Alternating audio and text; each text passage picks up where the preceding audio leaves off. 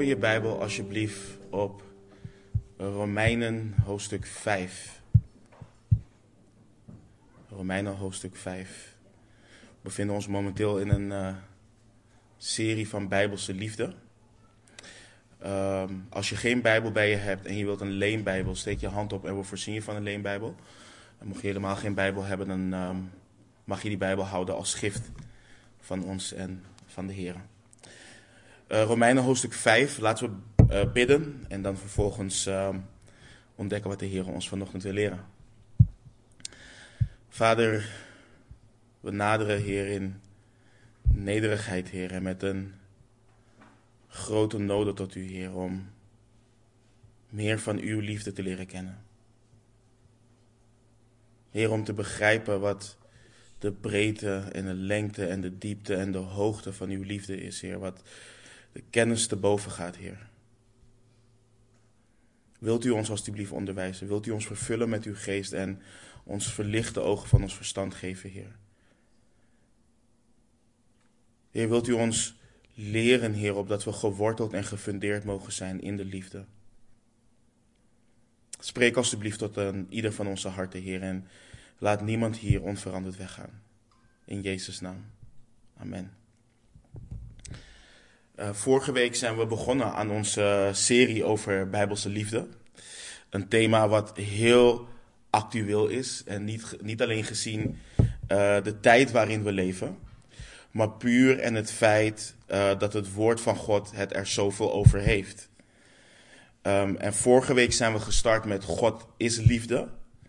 En we hebben gekeken naar 1 Johannes 4, vers 8 en naar vers 16. En twee keer schrijft de apostel Johannes daar dat God liefde is. En door het woord liefde te definiëren, het Griekse woord agape, wat daar wordt gebruikt, weten we dat God, dat God is liefde het volgende betekent. Het betekent dat God zichzelf onophoudelijk en op een zelfopofferende manier geeft aan anderen, aan mensen. En het welzijn van de ander uh, daarin zoekt, dus het welzijn van de ontvanger.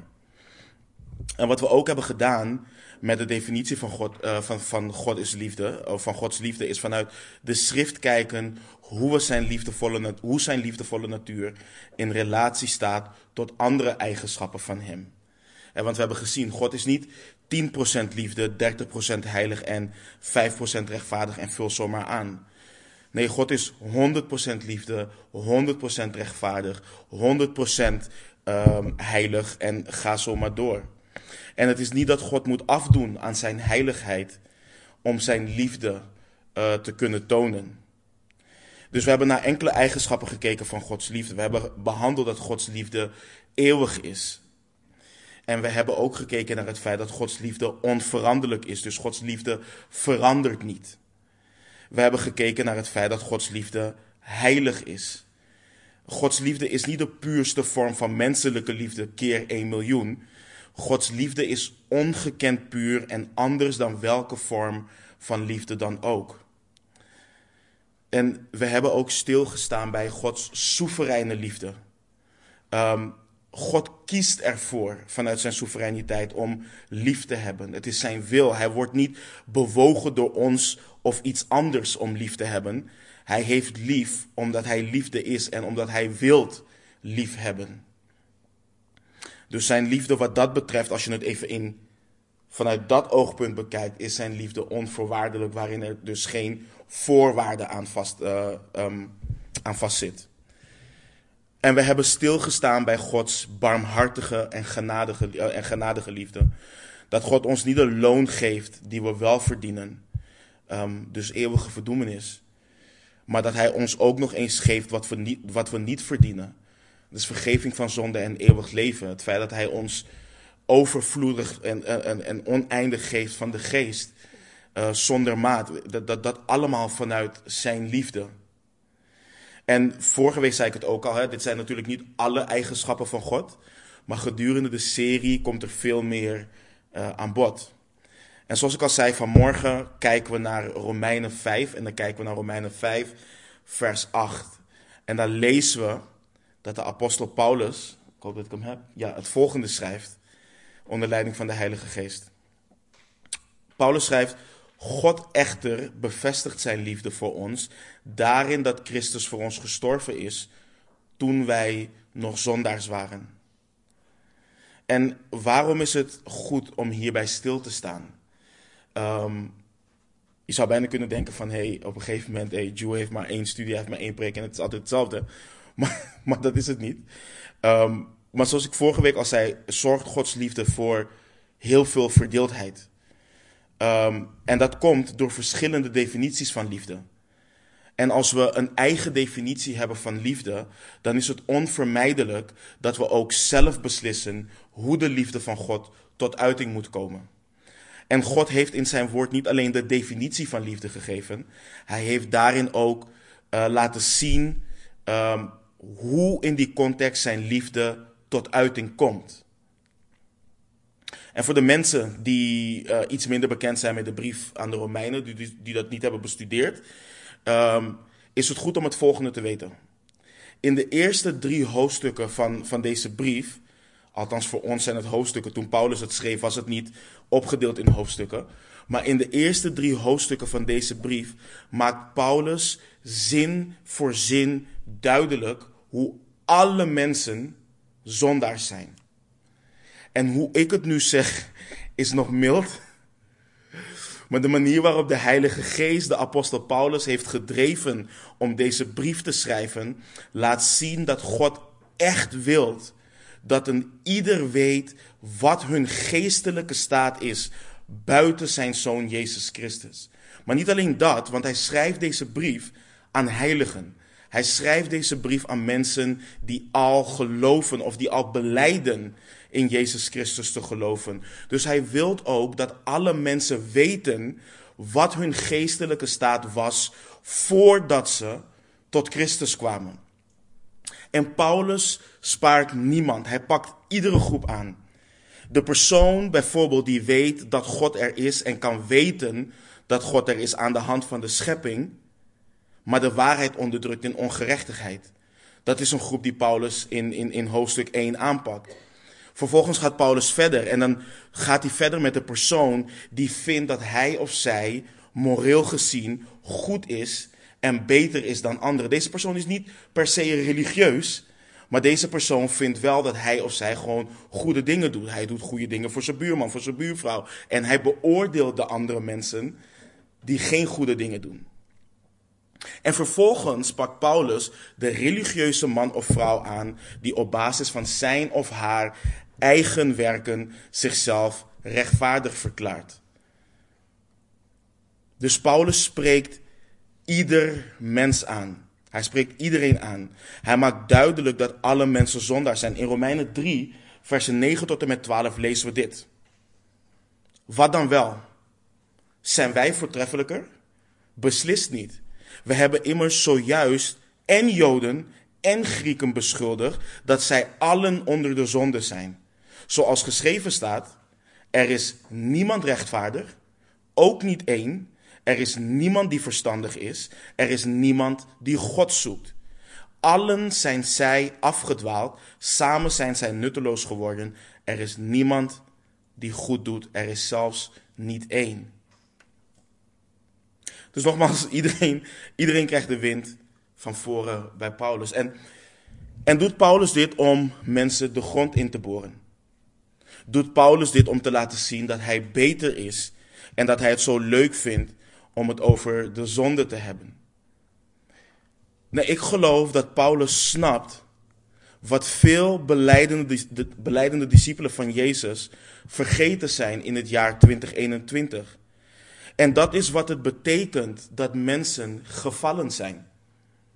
We zijn vergeten wat het betekent dat mensen de heerlijkheid van God missen.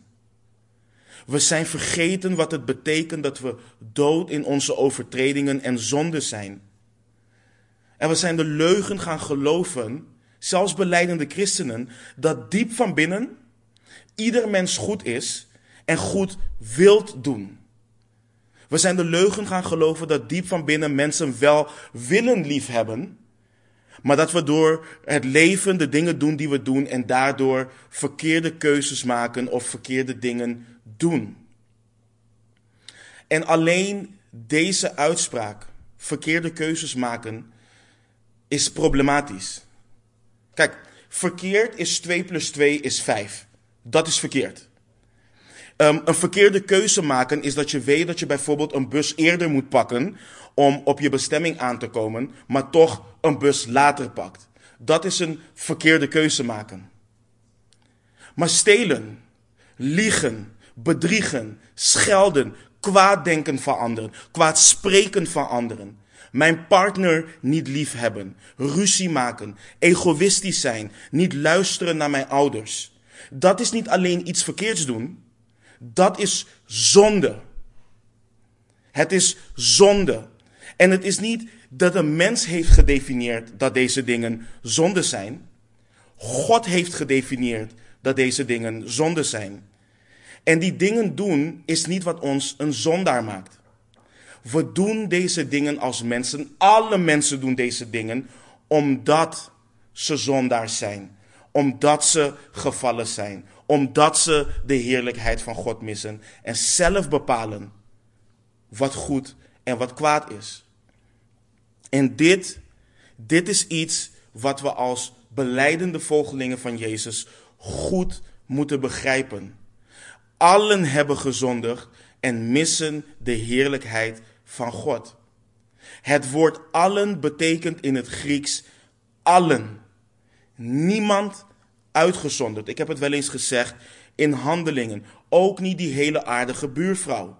Ook niet die hele aardige buurman of die persoon die al die goede dingen voor je doet. Allen hebben gezondigd en missen de heerlijkheid van God. En voor de mensen die nog geen onderdeel waren van deze gemeente of die de studies gemist hebben, we hebben drie zondagen lang hebben we stilgestaan bij Handelingen 4:12, wat het volgende leert. En de zaligheid is in geen ander, want er is onder de hemel geen andere naam onder de mensen gegeven, waardoor wij zalig moeten worden. En in de eerste studie hebben we puur behandeld wat het betekent dat mensen zalig moeten worden. De studie staat gewoon online op de website. Maar dat, we hebben behandeld dat het een absolute noodzaak is. Een absolute noodzaak dat mensen gered moeten worden. Dat het nodig is voor ieder mens om te geloven in de Heere Jezus Christus. Om tot reddend geloof te komen in Jezus Christus. Om vergeving van zonde en nieuw leven te ontvangen. God laat duidelijk in de Bijbel weten dat dit absoluut nodig is, omdat mensen in gevaar zijn. Je, je hoort wel eens mensen zeggen, en ik hoor, ik hoor het ook wel eens in, in, in liederen, ja, God moest ons redden van onszelf. Eh, dat is niet waar. God moet ons redden van de komende toorn die Hij zelf zal uitstorten over de ongelovige wereld en de ongehoorzame wereld. Dat is een heel groot verschil. Het is een groot verschil dat God ons moet redden van onszelf. En dat doen we alsof we slachtoffers zijn van onze eigen daden. Nee, we doen deze dingen zelf. We rebelleren zelf tegen God. En voordat je denkt, hoe, hoe krijg je het voor elkaar om tijdens zo'n warm onderwerp als liefde uh, het zoveel over zonde te hebben? En ik zeg dit vaker en ik blijf het uh, uh, vaker zeggen. Zolang, mijn, zolang God mijn longen vult met zuurstof en ik van Hem mag spreken, niemand zal ooit, maar dan ook niemand zal ooit begrijpen wat de breedte en de lengte en de diepte en hoogte is van Gods liefde, van liefde, als ze niet zien van welke hoogte ze zijn gevallen en hun verdorvenheid zien naast de pure schoonheid van de levende God en zijn Zoon Jezus Christus. Niemand. Luister naar wat er over onze God staat geschreven in 1 Johannes 1, vers 5. De apostel Johannes schrijft. En dit is de boodschap die wij van hem gehoord hebben en aan u verkondigen. Dat God licht is en dat in hem in het geheel geen duisternis is. Als je dat woord geheel in het Grieks spaart, het is er is geen greintje duisternis, slechtheid te vinden in de Almachtige God. Dus alles wat de wereld zegt over God, Alles waar de wereld God van beschuldigt. Hierin legt Johannes ons uit. Die dingen zijn leugens. Dit is de boodschap die wij van hem gehoord hebben. En aan u verkondigen. Dat God licht is. En dat in hem in het geheel geen duisternis is. Luister naar wat Jacobus schrijft. Hebben we vorige week ook geciteerd. Jacobus 1, vers 17. Elke goede gave en elk volmaakt geschenk is van boven en daalt neer van de Vader der lichten, bij wie er geen verandering is of schaduw van omkeer. Weer wat naar de apostel Johannes in 1 Johannes 3, vers 5. En u weet dat Hij, Jezus, geopenbaard is om onze zonde weg te nemen. En zonde is er in Hem niet. Ik heb net een hele lijst opgenoemd van de dingen die God als zonde bestempelt. Niks van die dingen is er in Jezus te vinden. Geen één. De, de auteur van Hebreeën, die schrijft over Jezus. Want zo'n hoge priester hadden wij nodig. Dit is wat we nodig hadden. Dit is wat ieder mens nodig heeft. Zo'n hoge priester hadden wij nodig. Heilig, onschuldig, onbesmet, afgescheiden van de zondaars en boven de hemelen verheven. En de aarde. En dan schrijft de apostel Petrus in 1 Petrus 2, vers 22, weer over Jezus. Hij die geen zonde gedaan heeft en in wiens mond geen bedrog gevonden is. Dus let op de schoonheid van de Vader en de Zoon. De puurheid, de zondeloosheid, de heiligheid. We hebben het hier over de schepper van hemel en aarde. De gever van het leven. Hij die de mens gemaakt heeft naar zijn eigen evenbeeld. Hij die de mens gemaakt heeft voor zijn eigen glorie. Om te leven in een relatie met elkaar waarin de mens verzadigd zou zijn en leven in de liefde van God en God verheerlijk zal worden door zijn schepping. En let op het contrast van God en de gevallen mens. Let op het verschil. We zijn gevallen zondige wezens die de goedheid van God, van onze schepper missen. Die niet in een relatie met Hem leven. En we streven in het leven naar alles wat we in Hem zouden vinden. En kijk hoe de wetenschap overuren draait om leven te maken, om het leven te verlengen en om het leven te behouden. Kijk hoe de wereld ons voorschotelt dat we vrijheid en geluk vinden wanneer we ons hartsverlangens najagen. Terwijl de apostel Johannes schrijft, in het woord was het leven en het leven was het licht van de mensen. En terwijl Jezus zei in Johannes 11, eh, vers 25 en 26, ik ben de opstanding en het leven. Wie in mij gelooft, zal leven, ook al was hij gestorven. En ieder die leeft en in mij gelooft, zal niet sterven in eeuwigheid. Gelooft u dat? En de psalmist schreef in, in, schreef in Psalm 37, vers 4: Schep vreugde in de Heer.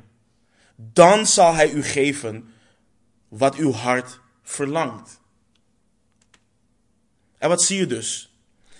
Dat we in onze gevallen natuur leven als vijanden van God. We, we geloven niet dat wat God voor ons wilt goed is.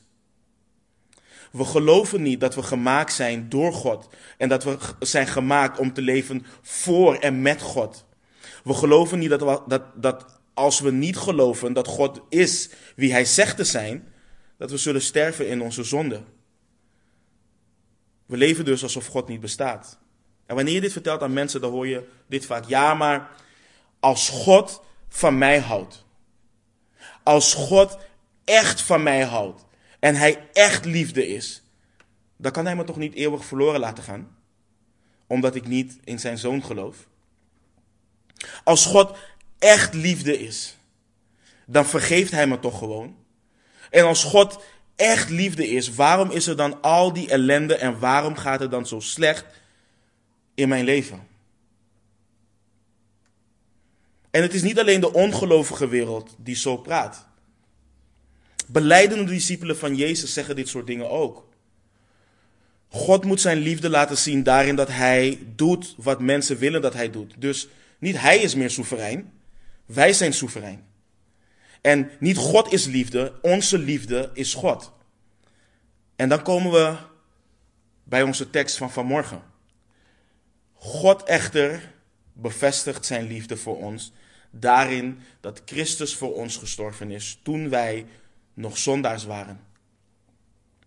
Waarom is dit vers zo diepgaand? Op, op zichzelf leert dit vers ons al heel veel.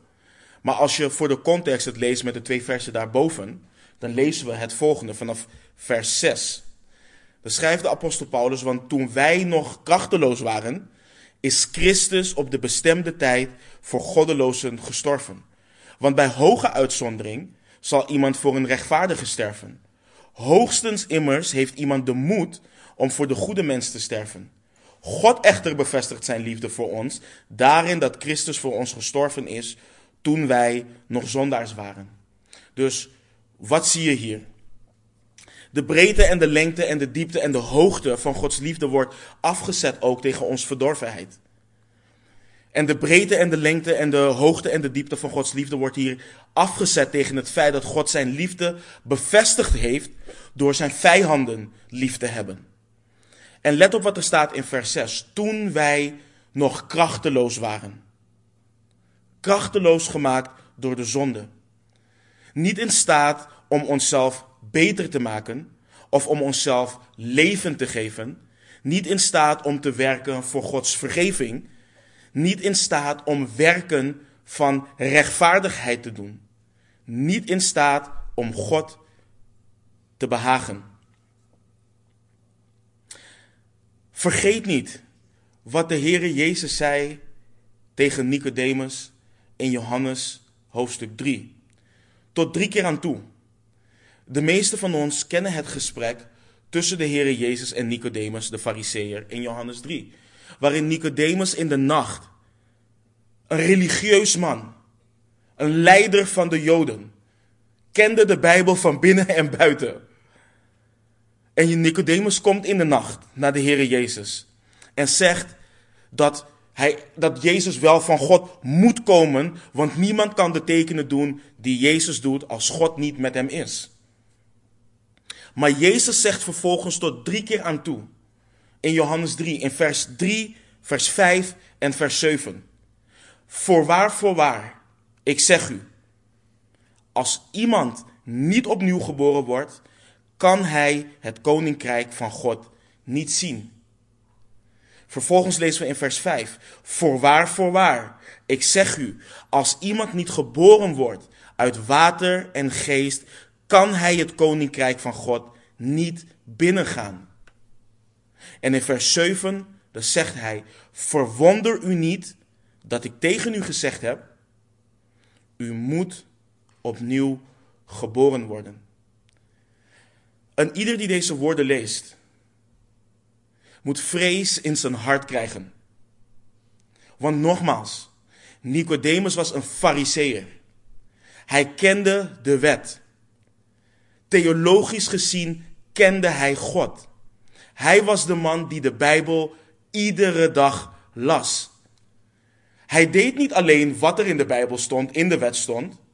Dus als God had gezegd, je werkt niet op de Sabbat, wat hebben zij ervan gemaakt? Je tilt niet op de Sabbat. Want als God dit zegt, en wij gaan nog een stap verder, dan moet het wel goed zijn. Dan moet het nog beter zijn dan wat God heeft gegeven. Zo ver gingen zij. En dan moet je je voorstellen dat Jezus, de zoon van God, God in het vlees, tegen een religieus man zegt: Je moet opnieuw geboren worden. Anders kan je het koninkrijk van God niet zien. Je kunt het niet binnengaan. Dit moet ons vrees geven. En Paulus schrijft dan daarnaast dat we goddelozen waren. En dat woord, als we teruggaan, dat woord omschrijft niet alleen iemand die zonder God is en iemand die niet als God is. Dat woord omschrijft iemand die niet de nodige vrees en het nodige ontzag heeft voor de levende God. Het omschrijft iemand die God niet respecteert voor wie hij is. Hij omschrijft iemand die God niet eert. Terwijl de Bijbel ons leert dat God het waard is te ontvangen de heerlijkheid, de eer en de kracht. En waarom? Want Hij heeft ons geschapen. Hij heeft alle dingen geschapen. Door Hem bestaan alle dingen. En misschien, misschien denk je, en ik heb dit soort gesprekken met mensen gehad, dit is deprimerend. Het breekt mijn zelfvertrouwen af. Het geeft me geen goed gevoel over mezelf. Maar nogmaals, als je de diepte van de zonde niet ziet waaruit God je heeft gered of wilt redden, dan zul je zijn grote liefde nooit waarderen. Jezus Christus is niet gekomen om mensen te helpen te werken aan hun zelfvertrouwen of om hen een goed gevoel te geven over hunzelf. Daarvoor is Jezus niet gekomen. Hij kwam om voor je zonde te sterven, opdat je met God verzoend kan worden. Als je jezelf niet ziet als een hopeloze, goddeloze zondaar die vijandig staat tegenover God, dan zul je niet inzien dat je een redder nodig hebt. En je zult nooit de zekerheid hebben over de zekere hoop om een eeuwigheid met God door te brengen, omdat je die hoop zult baseren op jouw eigen goedheid of je eigen verdiensten. Onze hoop op eeuwige verzoening met God kan alleen zeker zijn wanneer het niet gebaseerd is op iets goeds wat in ons leeft, maar op de goedheid van de Almachtige en levende God. En nogmaals, onthoud ook mijn woorden van vorige week. Kijk, ik zit hier niet, of ik sta hier niet om mensen een minderwaardigheidscomplex aan te praten. Maar ik sta hier ook niet om de hoogmoed in onze eigen harten te stimuleren. Om onszelf hoger te achten dan, dan we daadwerkelijk zijn. De Heilige Geest maakt namelijk twee keer het volgende duidelijk. Christus is gestorven voor goddelozen in vers 6. En hij is gestorven voor zondaars in vers 8. En nogmaals, Paulus heeft in hoofdstukken 1 tot en met 3 duidelijk gemaakt dat allen zondaars zijn. Dus het maakt niet uit, en dit is ook heel belangrijk om te weten. Het maakt niet uit of je in de kerk bent opgegroeid of niet, of je praktisch in de kerk geboren bent. Dit geldt voor ieder mens. Je moet ook denken aan wat de Heer Jezus heeft gezegd tegen de fariseeën en de schriftgeleerden in Lucas 5:32. Ik ben niet gekomen om rechtvaardigen tot bekering te roepen, maar zondaars. En als je hierbij stilstaat, geeft dit de uitspraak God is liefde, geeft dit, de, uh, geeft dit die uitspraak geen diepere betekenis. Groeit ons ontzag voor God niet wanneer we beseffen dat God onophoudelijk en op een zelfopofferende manier zichzelf heeft gegeven met het welzijn van jou, van de ontvanger van zijn liefde in gedachten. Of wanneer je dan weer Johannes 3:16 leest. Want zo lief heeft God de wereld gehad. Dat hij zijn enige geboren zoon gegeven heeft, opdat ieder die in hem gelooft niet verloren gaat, maar eeuwig leven heeft. Gods liefde wordt getoond in het feit dat hij zijn eigen zoon, zijn enige geboren zoon gegeven heeft voor de goddelozen toen wij nog zondaars waren. En broeders en zusters, kijk, het ding is, we kunnen, we kunnen denken van ja oké, dit soort dingen hebben we vaak behandeld in handelingen. Dit soort dingen hebben we vaak behandeld toen we door Johannes gingen en door 1 Johannes. Waarom moeten we continu hier diep op ingaan? En dit is niet om te veroordelen. Maar we weten allemaal nog wat er maanden geleden is gebeurd, gebeurd in Urk. Deze mensen behandelen dit ook iedere week. Iedere week. Zij behandelen dit ook. En dan is het toch raar om te denken dat dat onze eerste reactie kan zijn wanneer we geïrriteerd zijn. En we misschien uit een dienst komen waar we over Gods liefde hebben gehoord. We, we, we prediken Gods woord niet. Opdat we ons gaan gedragen zoals andere mensen willen dat we ons gaan gedragen. We prediken Gods woord. En we duiken Gods woord in. Opdat ons hart wat arglistig is boven alles. Voor eeuwig getransformeerd wordt door de liefde van de eeuwige God. Ik zeg het vaker, dit gaat niet om simpelweg moraliteit. Dit gaat om een levende relatie met de levende God. Die toen Hij ons maakte naar Zijn evenbeeld, wilde dat wij voor Zijn glorie zouden leven en zouden leven in geloof en zouden leven op een wijze wat Hem zou behagen, op een wijze wat Hem zou verheerlijken. Dat doen we niet door simpelweg iedere zondag naar een samenkomst te komen. Dat doen we niet simpelweg iedere, of iedere woensdag naar een samenkomst te komen. Of om een leesplan te starten en denken: ik heb mijn zes versen vandaag gelezen. We doen dit omdat we horen te beseffen dat in het diepste van ons binnen we de behoefte hebben naar de levende God. Omdat als we niet tot Hem naderen, voor wie Hij is en zoals Hij is, dat we in onze hypocrisie zullen sterven.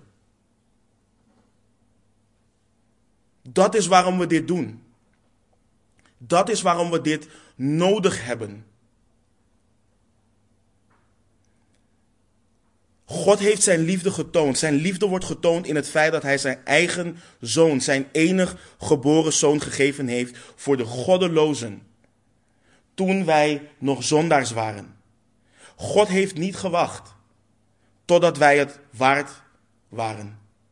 Want hoe kan een gevallen en onheilig volk zichzelf waardig maken voor een pure en heilige God? Hoe kan een gevallen mens God grijpen en zichzelf waardig, maken? Nee, het is de Almachtige God die naar beneden moest komen en onwaardige mensen moest grijpen en hen rechtvaardig moest maken in en door zijn zoon. Dat is liefde. Dat is goddelijke en bijbelse liefde. Want let op wat Paulus doet in Romeinen 5, vers 7. Hij laat daarmee iets zien dat God zijn liefde heeft laten zien op een wijze waarop niemand anders dat zou doen.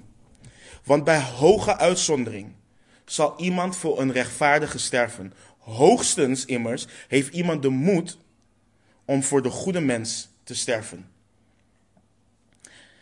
Bij hoge uitzondering is één woord in het Grieks. En het laat zien, of het vertelt ons, hoe onwaarschijnlijk het is dat iets zou gebeuren. Omdat het zo moeilijk is. Dus de nadruk ligt dan ook op het feit dat iets moeilijk is om te doen. Dus ook al, dus ook al zouden er, zouden er rechtvaardigers zijn, want Paulus heeft eerder al geschreven dat er niemand rechtvaardig is, dus wat Paulus doet met het verstand van de lezer gaat zo diep.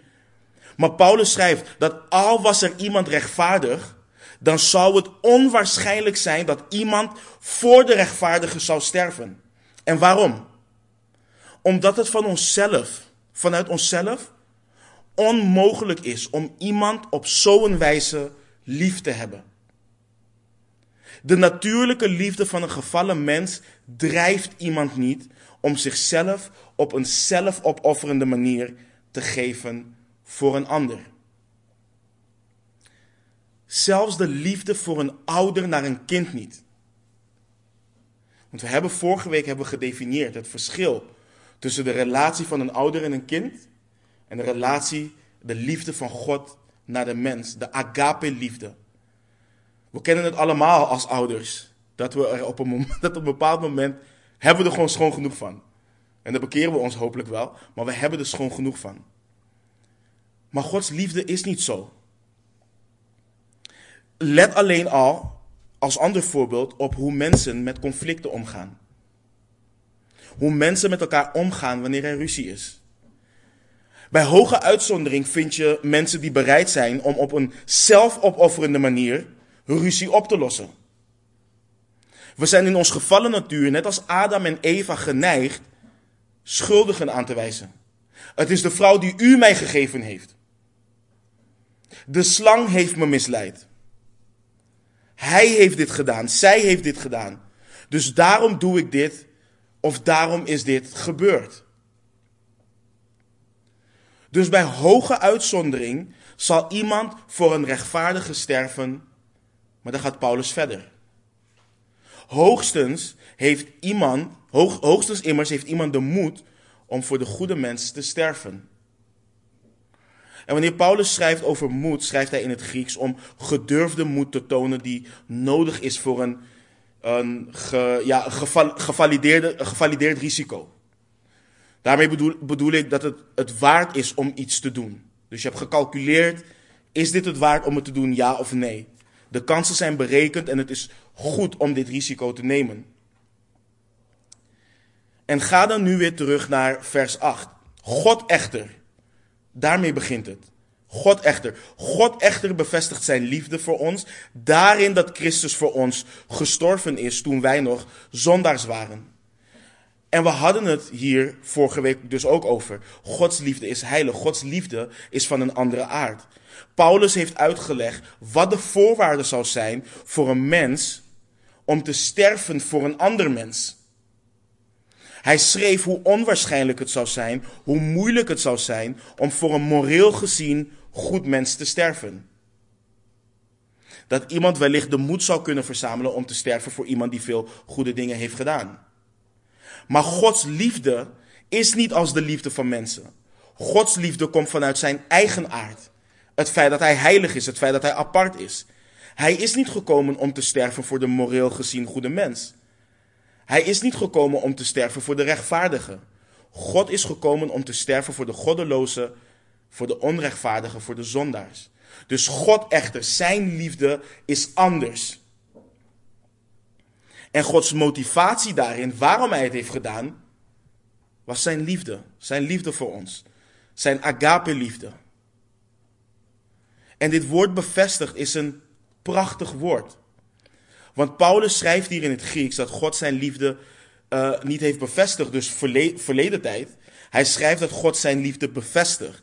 De manier waarop God zijn liefde heeft bewezen en blijft bewijzen aan de wereld, en aan zijn kinderen is door dat kruis waaraan Jezus voor ons bloedde.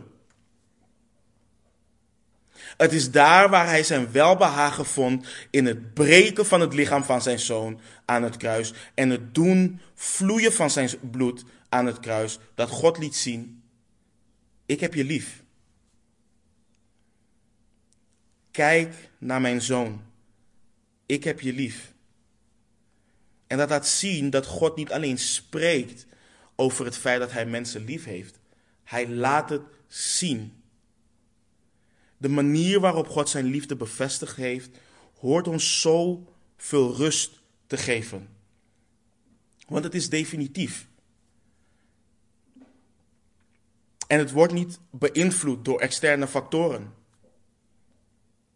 En dat geeft wat er zo vaak geciteerd wordt in Romeinen 8:35 zoveel meer diepgang. Wie zal ons scheiden van de liefde van Christus? Verdrukking of benauwdheid of vervolging of honger of naaktheid of gevaar of zwaard? En verderop in vers 38. Want ik ben ervan overtuigd dat nog dood, nog leven, nog engelen, nog overheden, nog krachten, nog tegenwoordige, nog toekomstige dingen, nog hoogte, nog diepte, nog enig ander schepsel ons zal kunnen scheiden van de liefde van God in Christus Jezus, onze Heer. Niemand kan wat veranderen aan het offer van Jezus Christus. Niemand kan veranderen dat God zijn liefde heeft bevestigd op deze wijze. Men kan het ontkennen, men kan het negeren, maar niemand kan het veranderen. En het is prachtig en hoort ons nogmaals rust te geven dat dat het fundament is van Gods liefde voor ons. Het is niet de afwezigheid van verdrukking in ons leven of de afwezigheid van benauwdheid. Het is niet de afwezigheid van vervolging of het gebrek aan voedsel of kleding. En dit helpt ons om geworteld en gefundeerd te navigeren in het leven als kinderen van God. Weten dat de basis van zijn liefde voor mij voornamelijk getoond is aan het kruis. Dat is het fundament. Gods liefde zit hem niet in materiële zegeningen. Gods liefde zit hem niet in fysieke gezondheid. En begrijp me niet verkeerd. Prijs de Heer voor de baan die Hij gegeven heeft. Als je werk hebt. Prijs God voor het huis wat Hij gegeven heeft. En prijs God voor al het materiële wat Hij geeft. Want wij weten als kinderen van God dat wij niets van onszelf bezitten. En slechts rentmeesters zijn over hetgeen wat God ons geeft. Maar God zijn liefde, God heeft zijn liefde niet bevestigd. Daarin dat hij ons een Lamborghini geeft toen wij alleen een fiets bezaten. Dat is niet wat God ons laat zien. Dat is niet wat dit vers ons leert. Vers, uh, Ser kijkt me schuin aan omdat ik het verkeerd uitsprak. maar er zijn predikers die dit leren. En je hebt die YouTube-filmpjes voorbij zien komen. Ze beginnen te springen en, en te blazen en hun stem te verheffen. En, en dat er een tijd van zegen in je leven zal komen. Want God houdt van je. En die ene rekening zal betaald worden. En die ene reus in je leven zal verslagen worden. En God zal en moet het doen, want Hij houdt van je. En dit is godslastering. En mijn vraag is, en dit is een vraag wat afgelopen woensdag voorbij kwam tijdens de samenkomst. En dit is broeders en zusters, is het genoeg? Is het genoeg dat God zijn liefde heeft bevestigd? Dat daarin dat Christus voor ons gestorven is, toen wij nog zondaars waren. Als God alles nu van je zal afnemen. Al hetgeen wat jou dierbaar is. Is het genoeg dat God zijn liefde heeft bevestigd door zijn zoon te geven? En ik weet dat die vraag confronterend is. Maar denk aan Job. Denk aan Job die zei: De Heere geeft en de Heere neemt. Maar we moeten onszelf die vraag echt stellen.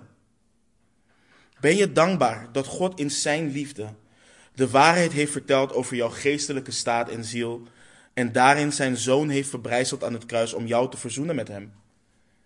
Ben je dankbaar en is het genoeg dat God er alles aan heeft gedaan om het mogelijk te maken om te leven waarvoor je gemaakt bent? Voor de glorie en de heerlijkheid van God. En soms kunnen we denken, en dat is dan waar we ons hart moeten controleren, is dat, is dat alles? Ben ik gemaakt voor de heerlijkheid en voor de glorie van God? Ja, want buiten Hem is er niks. En dat brengt me naar het volgende punt.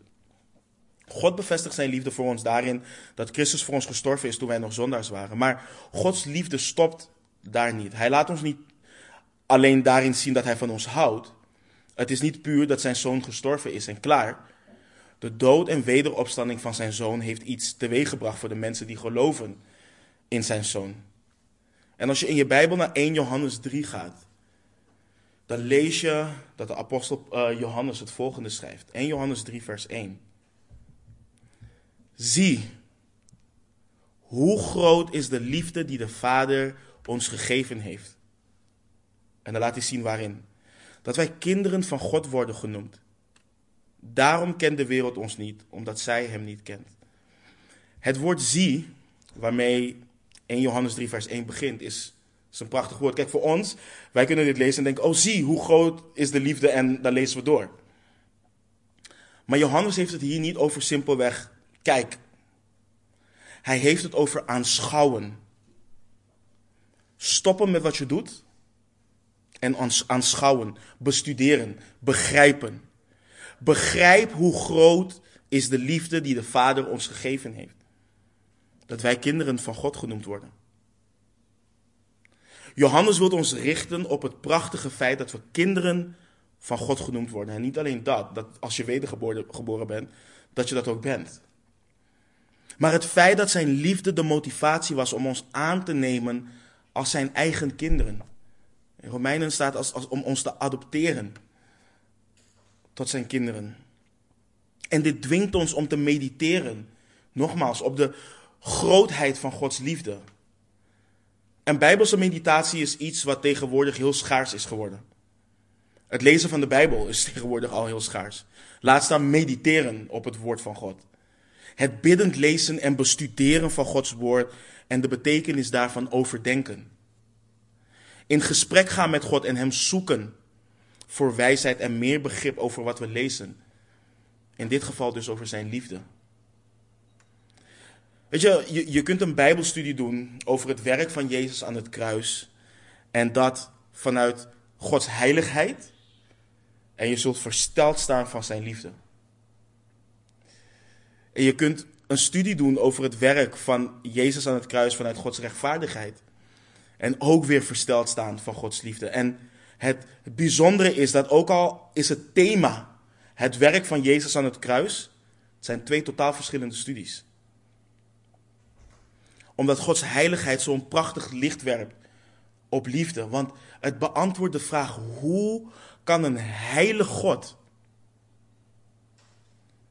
onheilige en onrechtvaardige zondaars de hemel inlaten zonder zijn eigen heiligheid te verliezen? En hoe kan een rechtvaardig God rechtvaardig blijven en ons vergeven voor onze zonden? En dat is zo belangrijk voor ons, want we nemen tegenwoordig genoegen met oppervlakkigheid.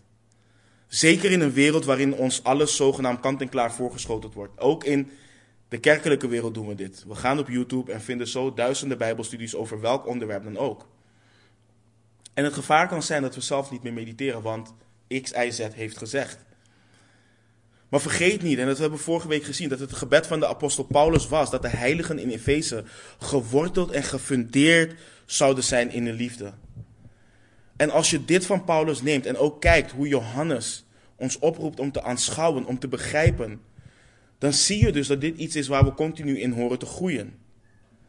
Want wat schreef de psalmist in Psalm 1? Ik heb hem niet op het scherm, maar over de mens die vreugde vindt in de wet van de Heer en zijn wet dag en nacht overdenkt. Daar dag en nacht op mediteert.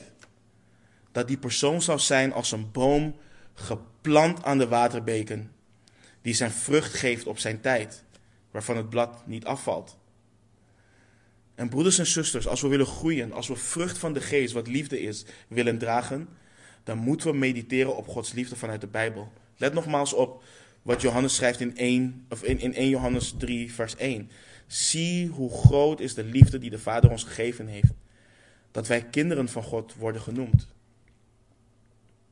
In zijn liefde heeft God ons niet alleen zijn zoon gestuurd om te sterven voor de goddelozen en zondaars en het daarmee afgedaan. Nee, zijn liefde is zo groot dat allen die geloven in zijn zoon geen goddelozen en zondaren meer zijn. Zij worden zijn kinderen. Zij worden kinderen van God. Gods liefde is zo groot en krachtig om iemand die dood was in zijn zonde en overtreding tot leven te roepen en nieuw leven te geven in Christus. Zoals Jezus Lazarus riep uit dat graf. Het is de liefde van God wat zo groot en krachtig is om zijn eigen vijanden met hem te verzoenen en om niet meer aan hun zonden te denken.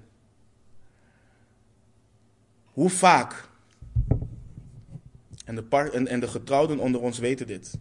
De ouders onder ons weten dit ook. Hoe vaak hebben we onze partners en onze kinderen niet vergeven? En wanneer, het, wanneer we ons weer in een situatie bevinden, altijd doe je dit. Vorige keer, weet je nog vorige keer? Maar God, zijn liefde is zo groot dat hij niet meer denkt aan onze zonde. Hij vergeet het niet. Want als God iets zou vergeten, dan zal hij niet, zal hij niet meer alwetend zijn. Maar hij denkt niet meer aan onze zonde.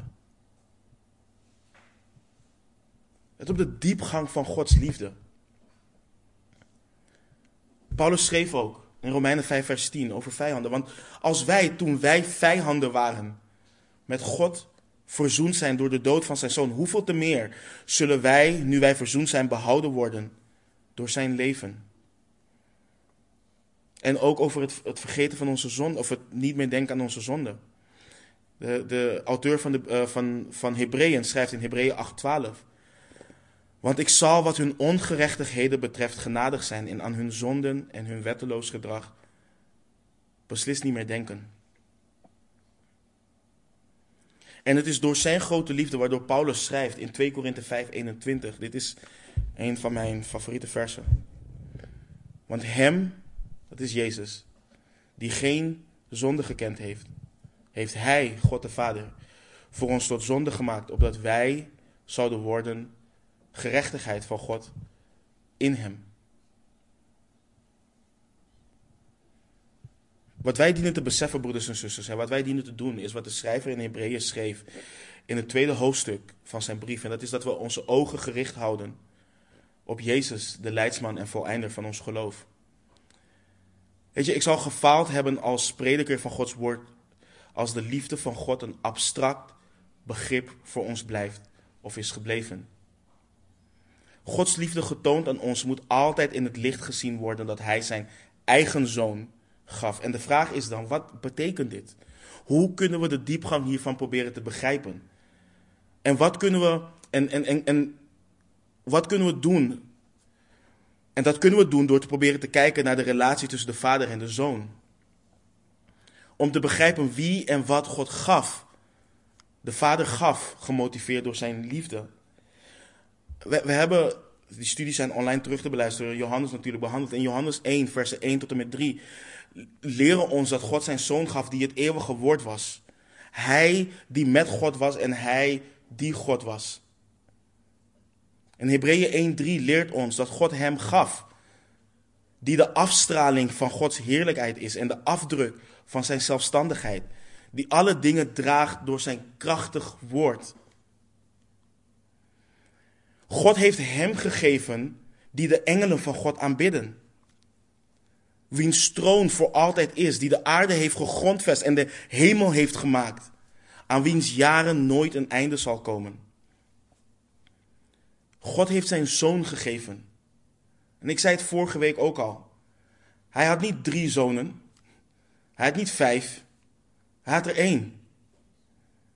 Zijn enige geboren zoon. De enige geboren zoon die hij lief heeft en in wie hij zijn welbehagen heeft. De vader gaf de zoon die in de schoot van de vader is. Wat een liefde heeft de vader voor ons.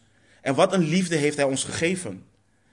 Jezus zei ook, voordat hij aan het kruis ging, niemand heeft een grotere liefde dan deze. Namelijk dat iemand zijn liefde geeft voor zijn vrienden. En dit is exact wat de Heer Jezus voor ons heeft gedaan. En ik wil afsluiten met het volgende. Broeders en zusters, de liefde van God is niet alleen iets feitelijks. In de zin dat we weten dat het zo is, omdat het in de Bijbel is. Of omdat het in de Bijbel staat. De liefde van God is iets wat we horen te ervaren. We horen er persoonlijk ervaring mee te hebben. We horen het persoonlijk te kennen. En nogmaals, niet alleen op een theologische wijze. Jezus bad in zijn hoge priesterlijke gebed in Johannes 17:3. Dit is het eeuwig leven dat zij u kennen, de enige waarachtige God en Jezus Christus die u gezonden hebt. En het woord kennen wat Johannes daar gebruikt is het Griekse woord ginosko. En dit spreekt niet van intellectuele kennis. Dit spreekt van iets of iemand, die, van iets of iemand kennen door persoonlijk ervaring daarmee te hebben. Door het te hebben ervaren. En wat ik niet voor je wil, is dat je intellectueel weet dat God liefde is. En dat je intellectueel weet dat God zijn liefde heeft bevestigd. Maar dat je die zekere hoop hebt. Dat je zijn liefde ervaart in jouw leven. Want in Romeinen 5, vers 5 schrijft Paulus het volgende. En de hoop beschaamt niet. Omdat de liefde van God in onze harten uitgestort is door de Heilige Geest die ons gegeven heeft. Die ons gegeven is. En mijn vraag aan jou is: regeert de bevestiging van Gods liefde in jouw hart? Ken jij Gods liefde? En niet alleen intellectueel, ervaar je Gods liefde? Heb je een diep besef van wat God voor jou gedaan heeft? En waar we vorige week bij hebben stilgestaan, Johannes schrijft dat in 1 Johannes 4, vers 16. En wij hebben de liefde die, tot, die God tot ons heeft gekend en geloofd. God is liefde en wie in de liefde blijft, blijft in God en God in hem. Ook hier heeft Johannes het over het persoonlijk kennen en ervaren van Gods liefde. En omdat de Bijbel ons leert, en dat is zo belangrijk en ik sluit hier echt mee af. Omdat de Bijbel ons leert dat ons hart arglistig is boven alles. Gaan we volgende week stilstaan bij de eerste brief van de Heer Jezus aan de Efeziërs in Openbaring. Waarin ze geprezen worden voor de vele dingen die ze doen. Doctrinaal was het een kerk waar niks op aan te merken was. Ze haten de doctrine van de mensen die Jezus ook haatte. Maar Jezus zei: Ik heb dit tegen u.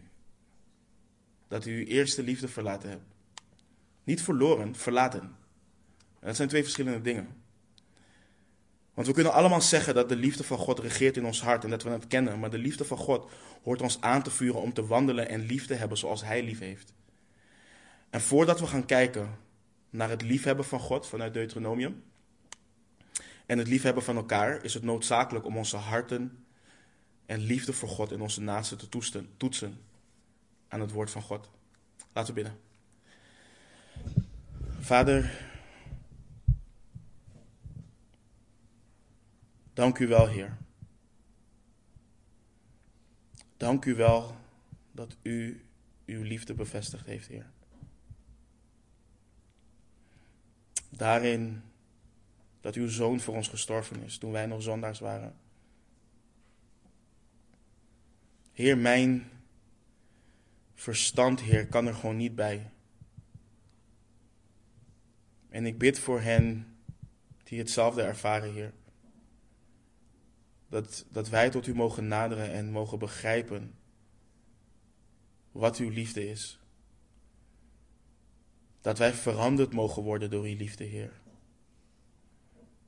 Vader, net zoals we vorige week ook hebben behandeld, dat het ieder aspect in ons leven volledig mag veranderen. Heer, dat we niet alleen met ons lippen tot u naderen, Heer, en ons hart ver van u vandaan is. Nee, dat ons besneden hart in uw handen is, Heer. En dat ons besneden hart verteerd wordt door verlangen naar u, Heer.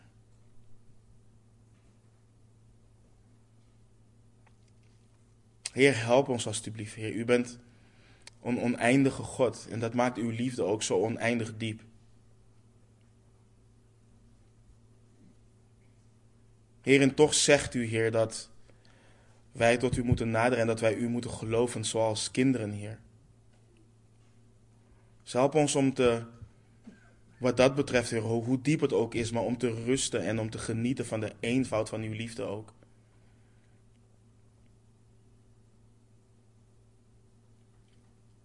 Heer, ik hou van u. Ik dank u voor het grote werk van, van, uh, van het kruis, Heer. En ik bid al deze dingen in Jezus' naam. Amen.